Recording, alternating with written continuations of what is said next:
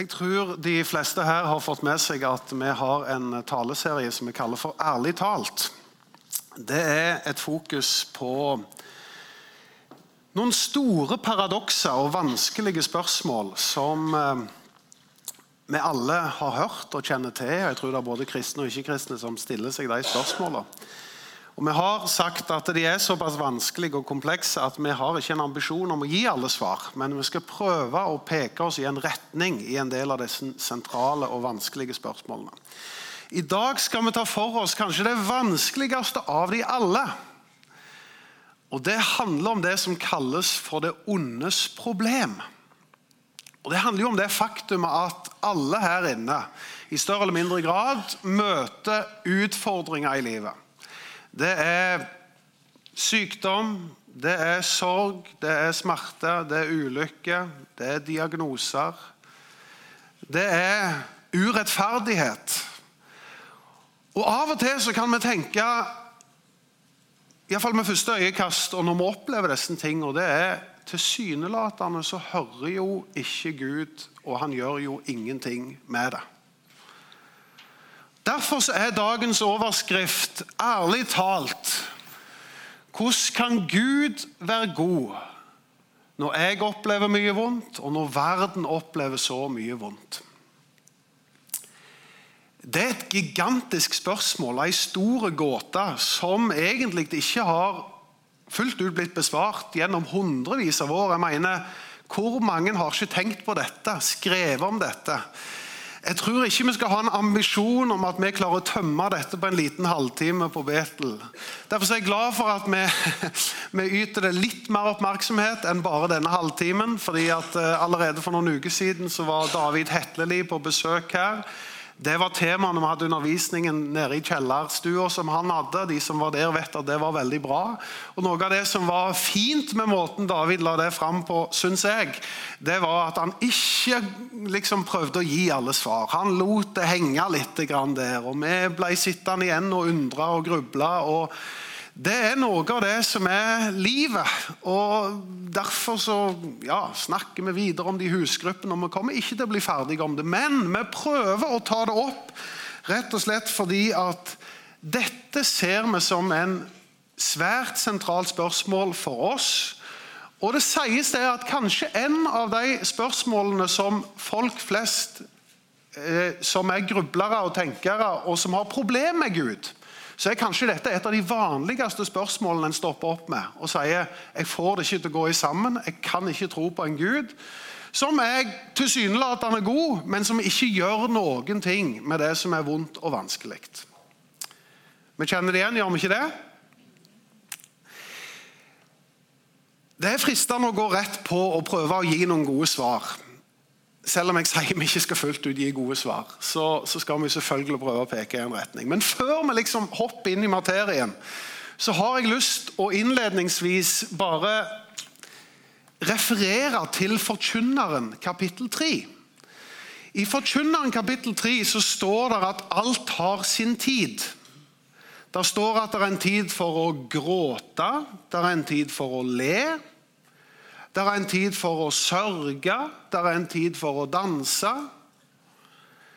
Og så står det i vers 7 det er en tid for å tie, og det er en tid for å tale. Og jeg tror faktisk at når vi står midt oppi utfordringene og vanskelighetene, så skal vi ikke alltid ha alle svarene. Og det er ikke alltid på sin plass å gi alle forklaringer. Vi er jo skrudd sammen sånn som mennesker at vi gjerne vil vite. Vi stiller spørsmål. Det er jo noe de ungene lærer i aller tidligste fase. Det er hvorfor far, eller hvorfor mor, hvorfor mamma, hvorfor pappa. Hvorfor, hvorfor, hvorfor. De som jobber i barnehage, kjenner jo dette igjen sikkert. Hvorfor? Og vi vil så gjerne ha svar. Og egentlig så er det en variant av oss som vi tar med oss hele livet, som er sånn at vi søker forklaringer og vi søker svar. Og Når det vonde og vanskelige rammer oss, så vil vi jo så gjerne ha svar. Men ofte så tror jeg ikke at der og da så er det smarteste vi gjør, at vi alltid gir svar. og Da står det en tid for å tale, og det er en tid for å tie. Hvis f.eks. din sønn har vært uheldig og knukket beinet sitt, så er det ikke kanskje tida for å si, forklare om tyngdekraften og kraftgang av arm og hvor dumt det er å klatre opp i et fem meter høyt tre og hoppe ned og tenke at det går greit. Nei, du kommer til å knekke det beinet. Og det er klart at hvis du hopper rett på forklaringen, så er det ikke sikkert at din sønn er så veldig mottagelig for deg. Hva trenger din sønn i den situasjonen? Han trenger trøst, han trenger omsorg, han trenger å få den nødvendige hjelpen, en skulder å gråte på osv., et fang å sitte på. Sånn er det jo òg i en del av disse spørsmålene for oss mennesker. Når du får en uforklarlig diagnose, når den ulykka som ikke du forårsaker, rammer deg når det vonde og det vanskelige treffer, så er det ikke sikkert at vi skal hoppe rett på forklaringen. Men vi skal være der for hverandre og si at det er en tid for å tale. Så det kan godt hende at vi skal få komme med noen forklaringer. Men det er òg en tid for å tie. Det er en tid for å si at det er ikke alt vi forstår, det er ikke alt vi kan forklare, det er ikke alltid vi skal forklare det. Men vi er der for hverandre. Og kanskje det er noen her Derfor vil jeg begynne i dette sporet. fordi det kan jo være noen her som kanskje ikke er helt moden for alle forklaringer på dette, men en er mer i det at en har fått en fersk diagnose. Eller en står i noe som er så krevende at en stiller spørsmål til Gud. Hvor er du? Hører du meg ikke? Ser du meg ikke? Forstår du ingenting? Kan du ikke gripe inn? Og Da er det bare det å si at det er ikke sikkert du skal lytte så mye til forklaringene i dag, men du skal høre at det er en Gud som bryr seg om deg, og det er en menighet som gjerne vil be for deg. Så Jeg tror jeg skal gjøre det innledningsvis. Jeg skal rett og slett be en bønn. Jeg skal be en bønn for oss alle i den situasjonen vi er i. Og be om at Gud skal få komme med sin trøst og omsorg og møte oss der vi er. Herre, jeg takker deg fordi at vi får lov å se denne balansen i ditt ord. Med at du eh, hører oss i vår nød og vår smerte. Det er en tid for å sørge, en tid for å danse. Det er en tid for å gråte, en tid for å le, det er en tid for å tie, en tid for å tale. Herre, vi ber om at de som på en særlig måte trenger trøsten i dag, som trenger at du bare gir dem et fang å sitte på, som gjør at de Selv om de ikke klarer å forklare og forstå alt, så, så kan de få lov å lene seg på at uh, det er en tro som kan bære det gjennom det, Herre, i Jesu navn. Takk, Herre, for du ser de sykdommer og plager som rører seg i denne forsamlingen. Og Herre, det er så uforklarlig om det er kreftdiagnose eller andre ting som vi ikke forstår. Hvorfor skal det være sånn? Så ber vi Herre om at vi kan få være en trøst og en hjelp for hverandre. Takk for at du kommer og rører ved situasjoner i Jesu navn. Amen. Amen. Jeg vil jo allikevel prøve meg på noe klokt å si om dette. Og jeg tenker jeg skulle starte med å gi en kjapp liten innføring i boka til Habakuk. Det er jo en profet langt bak i Det gamle testamentet. Og Det underlige med Habakuk det er jo at eh, han tar en kikk inn i det forferdelige. Han ser en del av uretten og alt det forferdelige som ondskapen som rammer Israels folk. De er i fangenskap i Babylon. Og Han begynner å rope ut sin nød og sier, 'Hvorfor ser du ikke Gud? Hvorfor gjør du ikke noe?' Det er der Habakuks bok starter. Hvor lenge, står det i vers 2, skal jeg rope uten at du hører? Og Det er som om Habakuk sier at eh, det er så mye ondskap, men tilsynelatende gjør du ingenting med det, Gud. Og Det kan jo være litt sånn at han klarer nesten ikke ta inn over seg alt det som er vondt og vanskelig. Og Hvis vi skrur på TV-en en kveld og ser på nyhetene, så tror jeg at vi også av og til kan tenke at eh, du må nesten ha god helse for å se på nyhetene, for å kunne ta inn over deg alt den smerten og ulykken og det vonde som skjer i verden. Og Da kan det litt bli for oss som det var for Habakuk. Hvor er du, Gud? Hører du ikke? Gjør du ingenting med dette? Og Når vi leser igjennom Habakuks bok, det er jo bare tre kapittel i den boka der, så jeg har skrevet her, Habakuk på 1, 2, 3, så, så viser det at Habakuk han er en modig profet. fordi at Som profeter flest i Det gamle testamentet så var det sånn at de fikk et budskap fra Gud, og så skulle de bringe det til folket. Det var profetens oppgave. Med Habakuk så var det litt annerledes.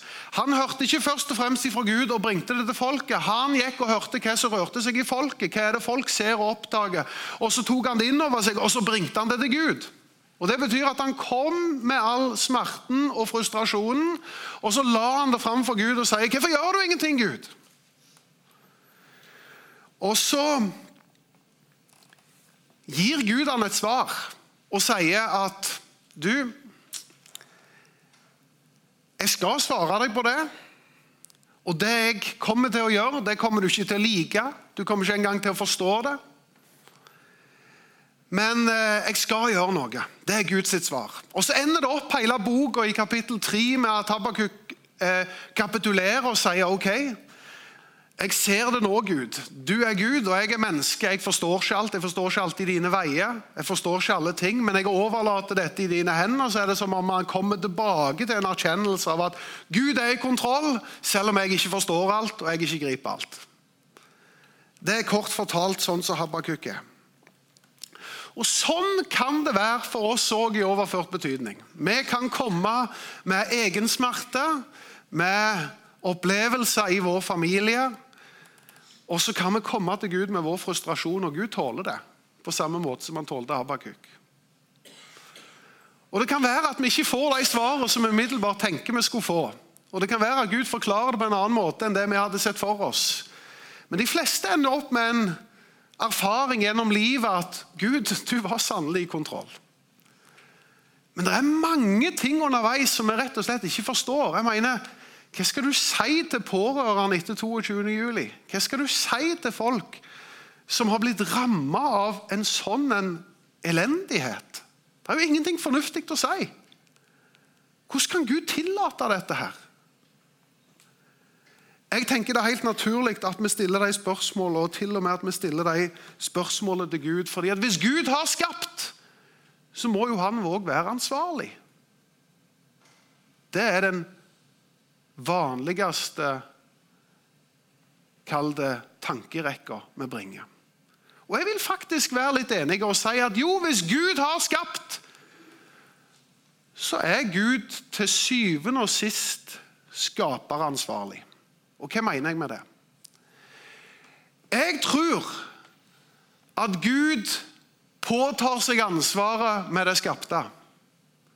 Og Gud har tilsynelatende gjort det mulig for ondskap å røre seg i verden. Hvis ikke så hadde han jo utsletta den. Det mener jeg. Men jeg tror det er stor forskjell på at Gud at noe passerer gjennom det vi kan kalle Guds tillatelse, enn at det passerer gjennom Guds vilje og Guds godhet. Det er det stor forskjell på. Og jeg tror at Gud gjerne sier det at jeg er skaperansvarlig, men ikke nødvendigvis moralsk ansvarlig for utfallet. La meg forklare. Hvis jeg er en knivprodusent som skaper en kniv for at det skal være godt å kunne skjære brød. Det gjør det lettere, det er et verktøy, det er en god ting. Det er i utgangspunktet noe godt. Så må jo jeg påta meg ansvaret for å være produsenten av kniven. For å være den som har skapt. Men hvis noen ender opp med å misbruke den kniven til å ta et liv istedenfor å skjære brød, så er det jo ikke mitt ansvar som har skapt kniven, som i seg sjøl er god at den ble misbrukt til noe som var vondt. Og Jeg tror at noe av sakens kjerne er her. Det er at Gud har skapt en god verden. Men han har gitt mulighet til ondskap. Han har lagt det opp sånn at det fins en mulighet. Og Vi kan jo undre oss på hvorfor har han gjort det. Og Det skal vi prøve å komme innom etter hvert. Jeg har lyst å ta tak i dette med å tegne et lite helhetsbilde. Jeg tror ikke vi vil forstå noen ting av dette hvis vi ikke tegner et godt helhetsbilde som gir en viss forklaring. Og Det helhetsbildet som jeg prøver å tegne her, det er å egentlig tegne verdenshistorien i fire forskjellige akter. Eh, så hvis du tenker Jeg har vært på mange historietimer, og kanskje du har studert historie. Her får du høre historien om verden og menneskeheten på en litt annerledes måte i fire punkter i løpet av fem minutter. Så hvis du tenker ok, jeg er ikke så veldig historieinteressert, så tenker jeg bare få med deg disse sentrale tingene i historien, så har du iallfall et godt riss av hva Bibelen gir som en historiebeskrivelse. Og det er at alt starta med skapelse. Første del kan vi kalle skapelse, og det er jo at Gud skaper godt. Jeg er sikker på at dere har lagt merke til det. Hvis du står opp og tenker på det, så ser du at det var sånn Gud gjorde det. For hver ny dag han skapte noe, så ga han det en merkelapp. Og hva var det? Det er godt. Gud så på det, og det var godt. Og så avslutter Gud hele skapelsesakten. Og så ser han på det og sier det er svært godt. Det var når mennesket kom inn i bildet. Så han sier her er altså her er ting på G. Dette er godt. Og jeg har lyst til å si det at Hvis en strever med det ondes problem, for det gjør vi alle mann, så må vi også samtidig si at det er noe som heter det godes problem. Fordi at Det faktum at det finnes ondskap i verden, det forteller meg òg at det er noe godt. Så hvis det onde har en adresse, så må òg det gode ha en adresse. Hvor kommer det gode ifra? Hvis vi anerkjenner at det finnes noe vondt, så sier jeg sikkert også at du kan anerkjenne at det finnes noe godt. Og Bibelen sier at det gode sin adresse, det er Gud. Derfor er noe av det vanligste utsagnet i en kristen menighet for en kristen, det er at vi tror på en god Gud. Gud er god. Og vi takker Gud for han er god. Det er gjennomgangsmelodien for oss. Dere er enige i det? Og dette er det historien tegner, dette bibelhistorien tegner, sier jo, Gud er en god Gud. Og Han er til og med så god at i 1. Johannes kapittel 1,5 så står det at uh, Gud er lys, og i Han fins der ikke mørke. Sånn at Hvis vi senere nå skal komme inn på ondskap og forferdelighet, og det vi kan kalle et mørke, så sier Bibelen at Gud er lys, og i Han fins der ikke mørke. Det betyr at det gode har en tydelig, klar adresse. Og Det står i Jakob 1 at all god og fullkommen gave kommer ovenifra. Fra lysets far. Og han fins det ingen skiftende skygge. Han er konstant. Han er god. Og Det er det første kall det sannheten vi trenger å slå inn, fordi at der var hele verdens opprinnelse ligger i det gode. Og Så kjenner vi til at eh, Mennesket ble gitt en råderett. Og Gud sier jeg skal ikke styre denne planeten. Denne gode planeten den skal ikke jeg styre alene. Jeg gir råderetten til dere mennesker. og På en måte så kan vi si det var en generaltabbe. Fordi at vi vet det var konsekvenser. Og Da kommer du inn på den andre delen i historien, som er at en fristende makt kom inn i form av en djevel, en slange. Og en forteller det som sikkert alle her har hørt før, det er at mennesket falt. Og Det var mer enn ei skrape i lakken. Det var noe som var så gjennomgripende korrupt som skjedde med mennesket, som gjorde at vi ble bærere av ikke bare det gode, men òg av alt det onde. Så det menneskesynet Bibelen tegner, det er at hvert menneske, ikke bare Adam og Eva, men konsekvensene av det valget de tok, og den ondskapen de valgte, det gjør at alle som sitter i dette rommet her, og til og med oss som står, vi er inkludert i det at vi bærer med oss alt, eller veldig mye godt. Men så er vi òg gjennomgripende korrupt, så vi bærer med oss det vonde. Og i denne herrene svære kontrasten så lever vi og så strever vi med ting på innsida vår. Sånn at ethvert menneske er egentlig bærer av det skapte, det gode, men òg av det fallet og det valget som handler om at vi har snudd ryggen til Gud og valgt vår egen vei. Og det er realiteten som mennesket lever i. Det betyr at eh, du trenger ikke være kristen for å gjøre noe godt.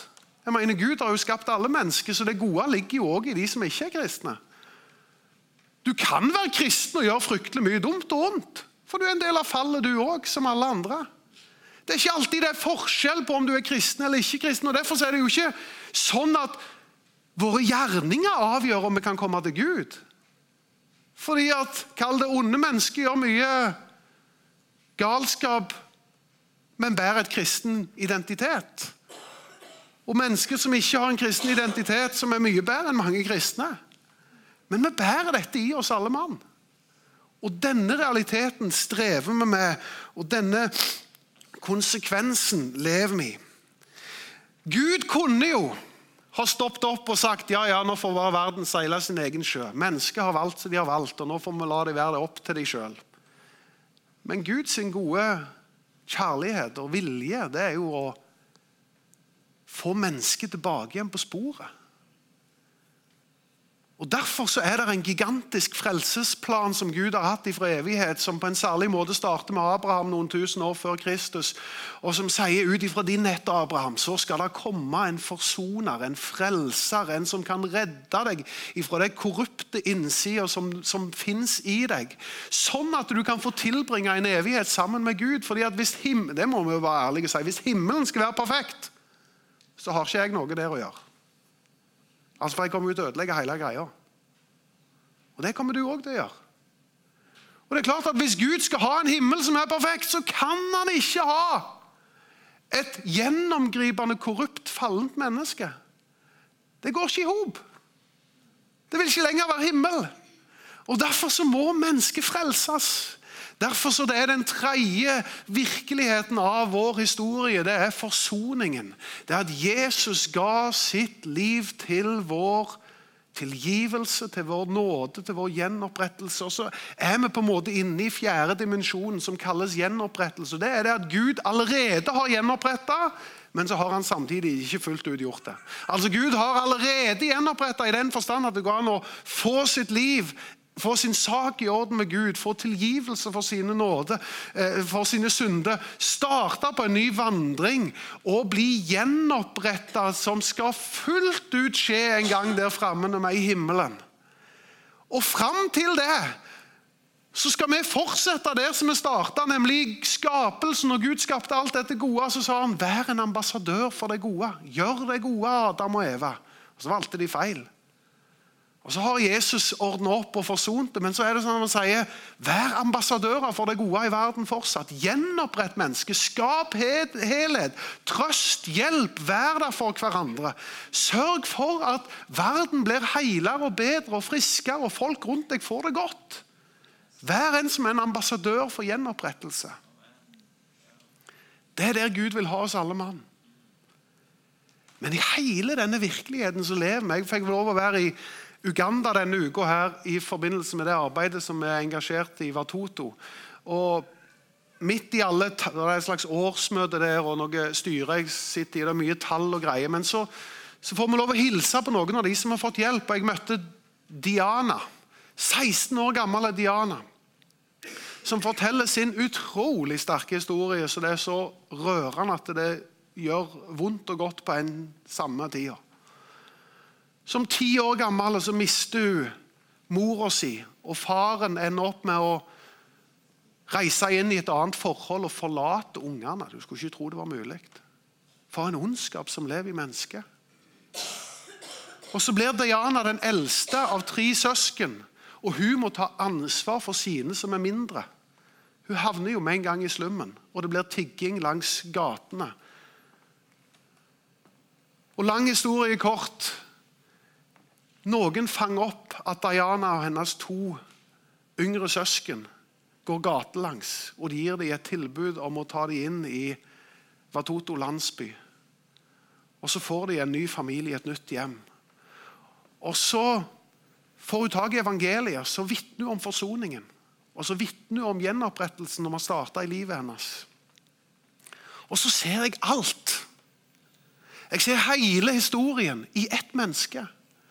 Jeg ser at det er et nydelig menneske som er skapt av Gud, og som har så mye godt og så mye gull i seg. Men en fallen verden der ikke hun har forårsaka ting sjøl, der uretten har rammene. Fordi at verden er gjennomgående korrupt, og hun møter mennesker som har ondskap i seg. så lever hun i konsekvensene av fallet. og Det er jo helt fryktelig, fordi at en skulle si hun fortjente jo selvfølgelig ikke det. Men det er noe av realiteten av hvor galen verden er. Men så fins det et budskap om forsoning. Og så er det et håp som ligger i gjenopprettelsen. Og så tegner vi egentlig hele bildet gjennom det. Da blir jo det springende punktet som jeg er sikker på at vi umiddelbart spør oss sjøl, det er jo sånne ting som er Hvorfor kunne da ikke Gud skapt en verden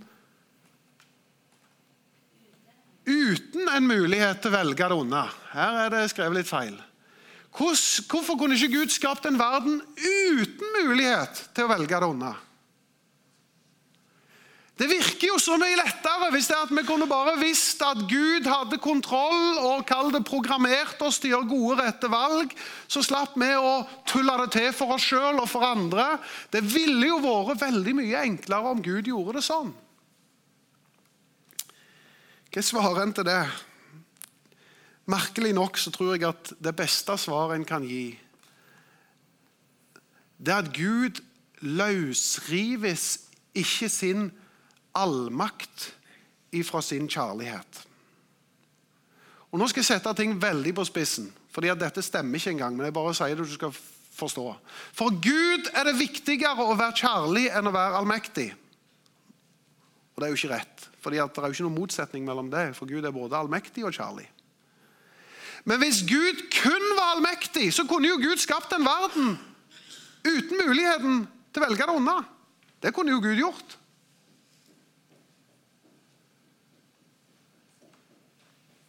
Men da er du inne på den viktige dimensjonen som handler om at Gud er kjærlighet. Og kjærlighetens vesen er sånn at du må gi folk frihet. Du må gi folk muligheten til å velge. At jeg våkner opp en morgen og slår på PC-en min og har programmert den til å si at jeg elsker deg, er ikke det samme som at hvis jeg våkner opp på sida av Ketelin og hun sier jeg elsker deg. For hun har på en måte valgt å si det. Det er et frihet, det er et valg, det er en kjærlighet inne i bildet. Hvis det er programmert, så er det litt mer følelsesløst. Hvis en papegøye sier til deg 'jeg er glad i deg', Odd Børge, kontra Lene sier 'jeg er glad i deg', så er det litt annerledes, for du har bare programmert den papegøyen.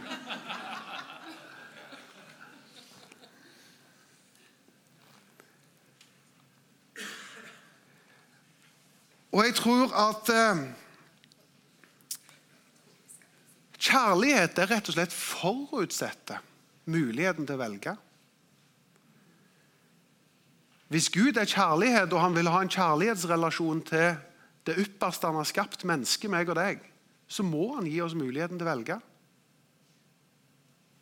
Han kan ikke være kjærlighet og tvinge. Friheten er en del av kjærligheten. Valget er en del av kjærligheten. Og For Gud er det i gåsetegn viktigere å være kjærlig enn å være allmektig. Som sagt, det er satt på spissen for å forklare at Gud er kjærlighet.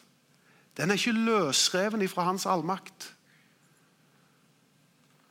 Og Når Gud tar det generalvalget at jo, det er kjærlighet som skal råde, og kjærligheten skal være grunnlag, og kjærlighet er det jeg har skapt mennesket i, og kjærlighet er det jeg ønsker ifra mennesket til hverandre, til Gud, ja, så må òg Gud gi oss muligheten til å velge. Og når Gud har valgt å gi oss muligheten til å velge, så har han skapt en verden med muligheten for å velge det onde, velge feil. Og i den konsekvensen så lever meg og deg. I den virkeligheten så lever meg og deg. Nå tenker jeg jo det at eh, skulle du vært rettferdig, så måtte det jo vært sånn at de som virkelig gjorde noe galt, og de ble straffa.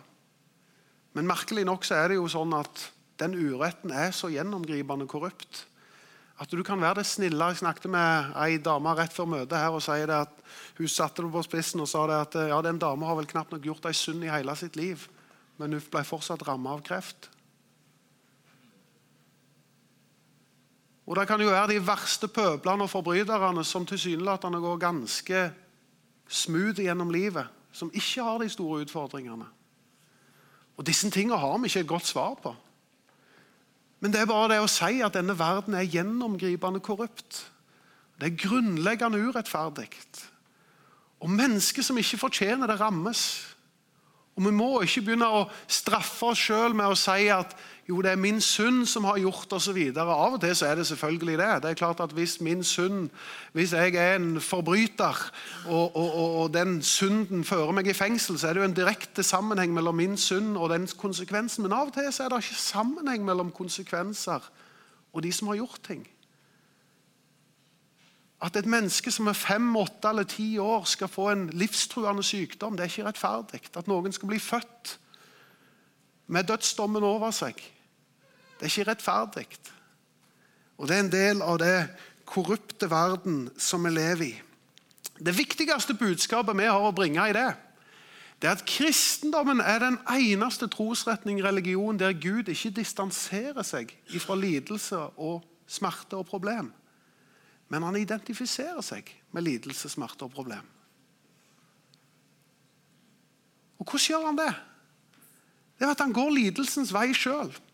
Altså Hvis det var sånn at verden var rettferdig, så skulle jo sagt at Jesus skulle ikke bli rammet av noen ting, for han var et menneske som var uten synd. Så han skulle ikke fått noen smerte, utfordringer, lidelse eller problem.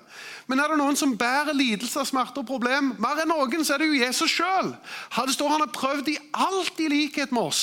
Så han kjenner vår situasjon, og så identifiserer han seg med lidelsen. Han fjerner seg ikke fra den. Han trekker seg ikke unna, men han sier 'jeg kjenner deg, jeg vet hvordan du har det'.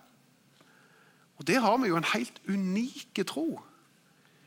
I det at det er en Gud som har medlidenhet med oss i vår skrøpelighet, står det i Hebreerne 4,15. Det at Jesus Kristus faktisk vil møte oss i de utfordringene og problemene vi møter. Og så er vårt håp i dette det er at det fins en framtid der Gud skal fjerne ondskapen. For Vi kan jo spørre ja, men hvorfor fjerner ikke Gud ondskapen her og nå? Og Ut ifra det jeg har forklart så langt, så måtte det jo vært sånn at konsekvensen av at Gud fjerner ondskapen her og nå, det var at han fjerna mennesket. For hvem er det som bærer ondskapen i seg? Det er jo oss. Så hvis Gud skal fjerne ondskap, så ber du egentlig om at han skal fjerne deg. Men i sin kjærlighet så elsker Gud meg og deg. Så Det er akkurat som om noe tillates i Guds perspektiv, men det betyr ikke at det er Guds vilje eller Guds godhet som ligger i det.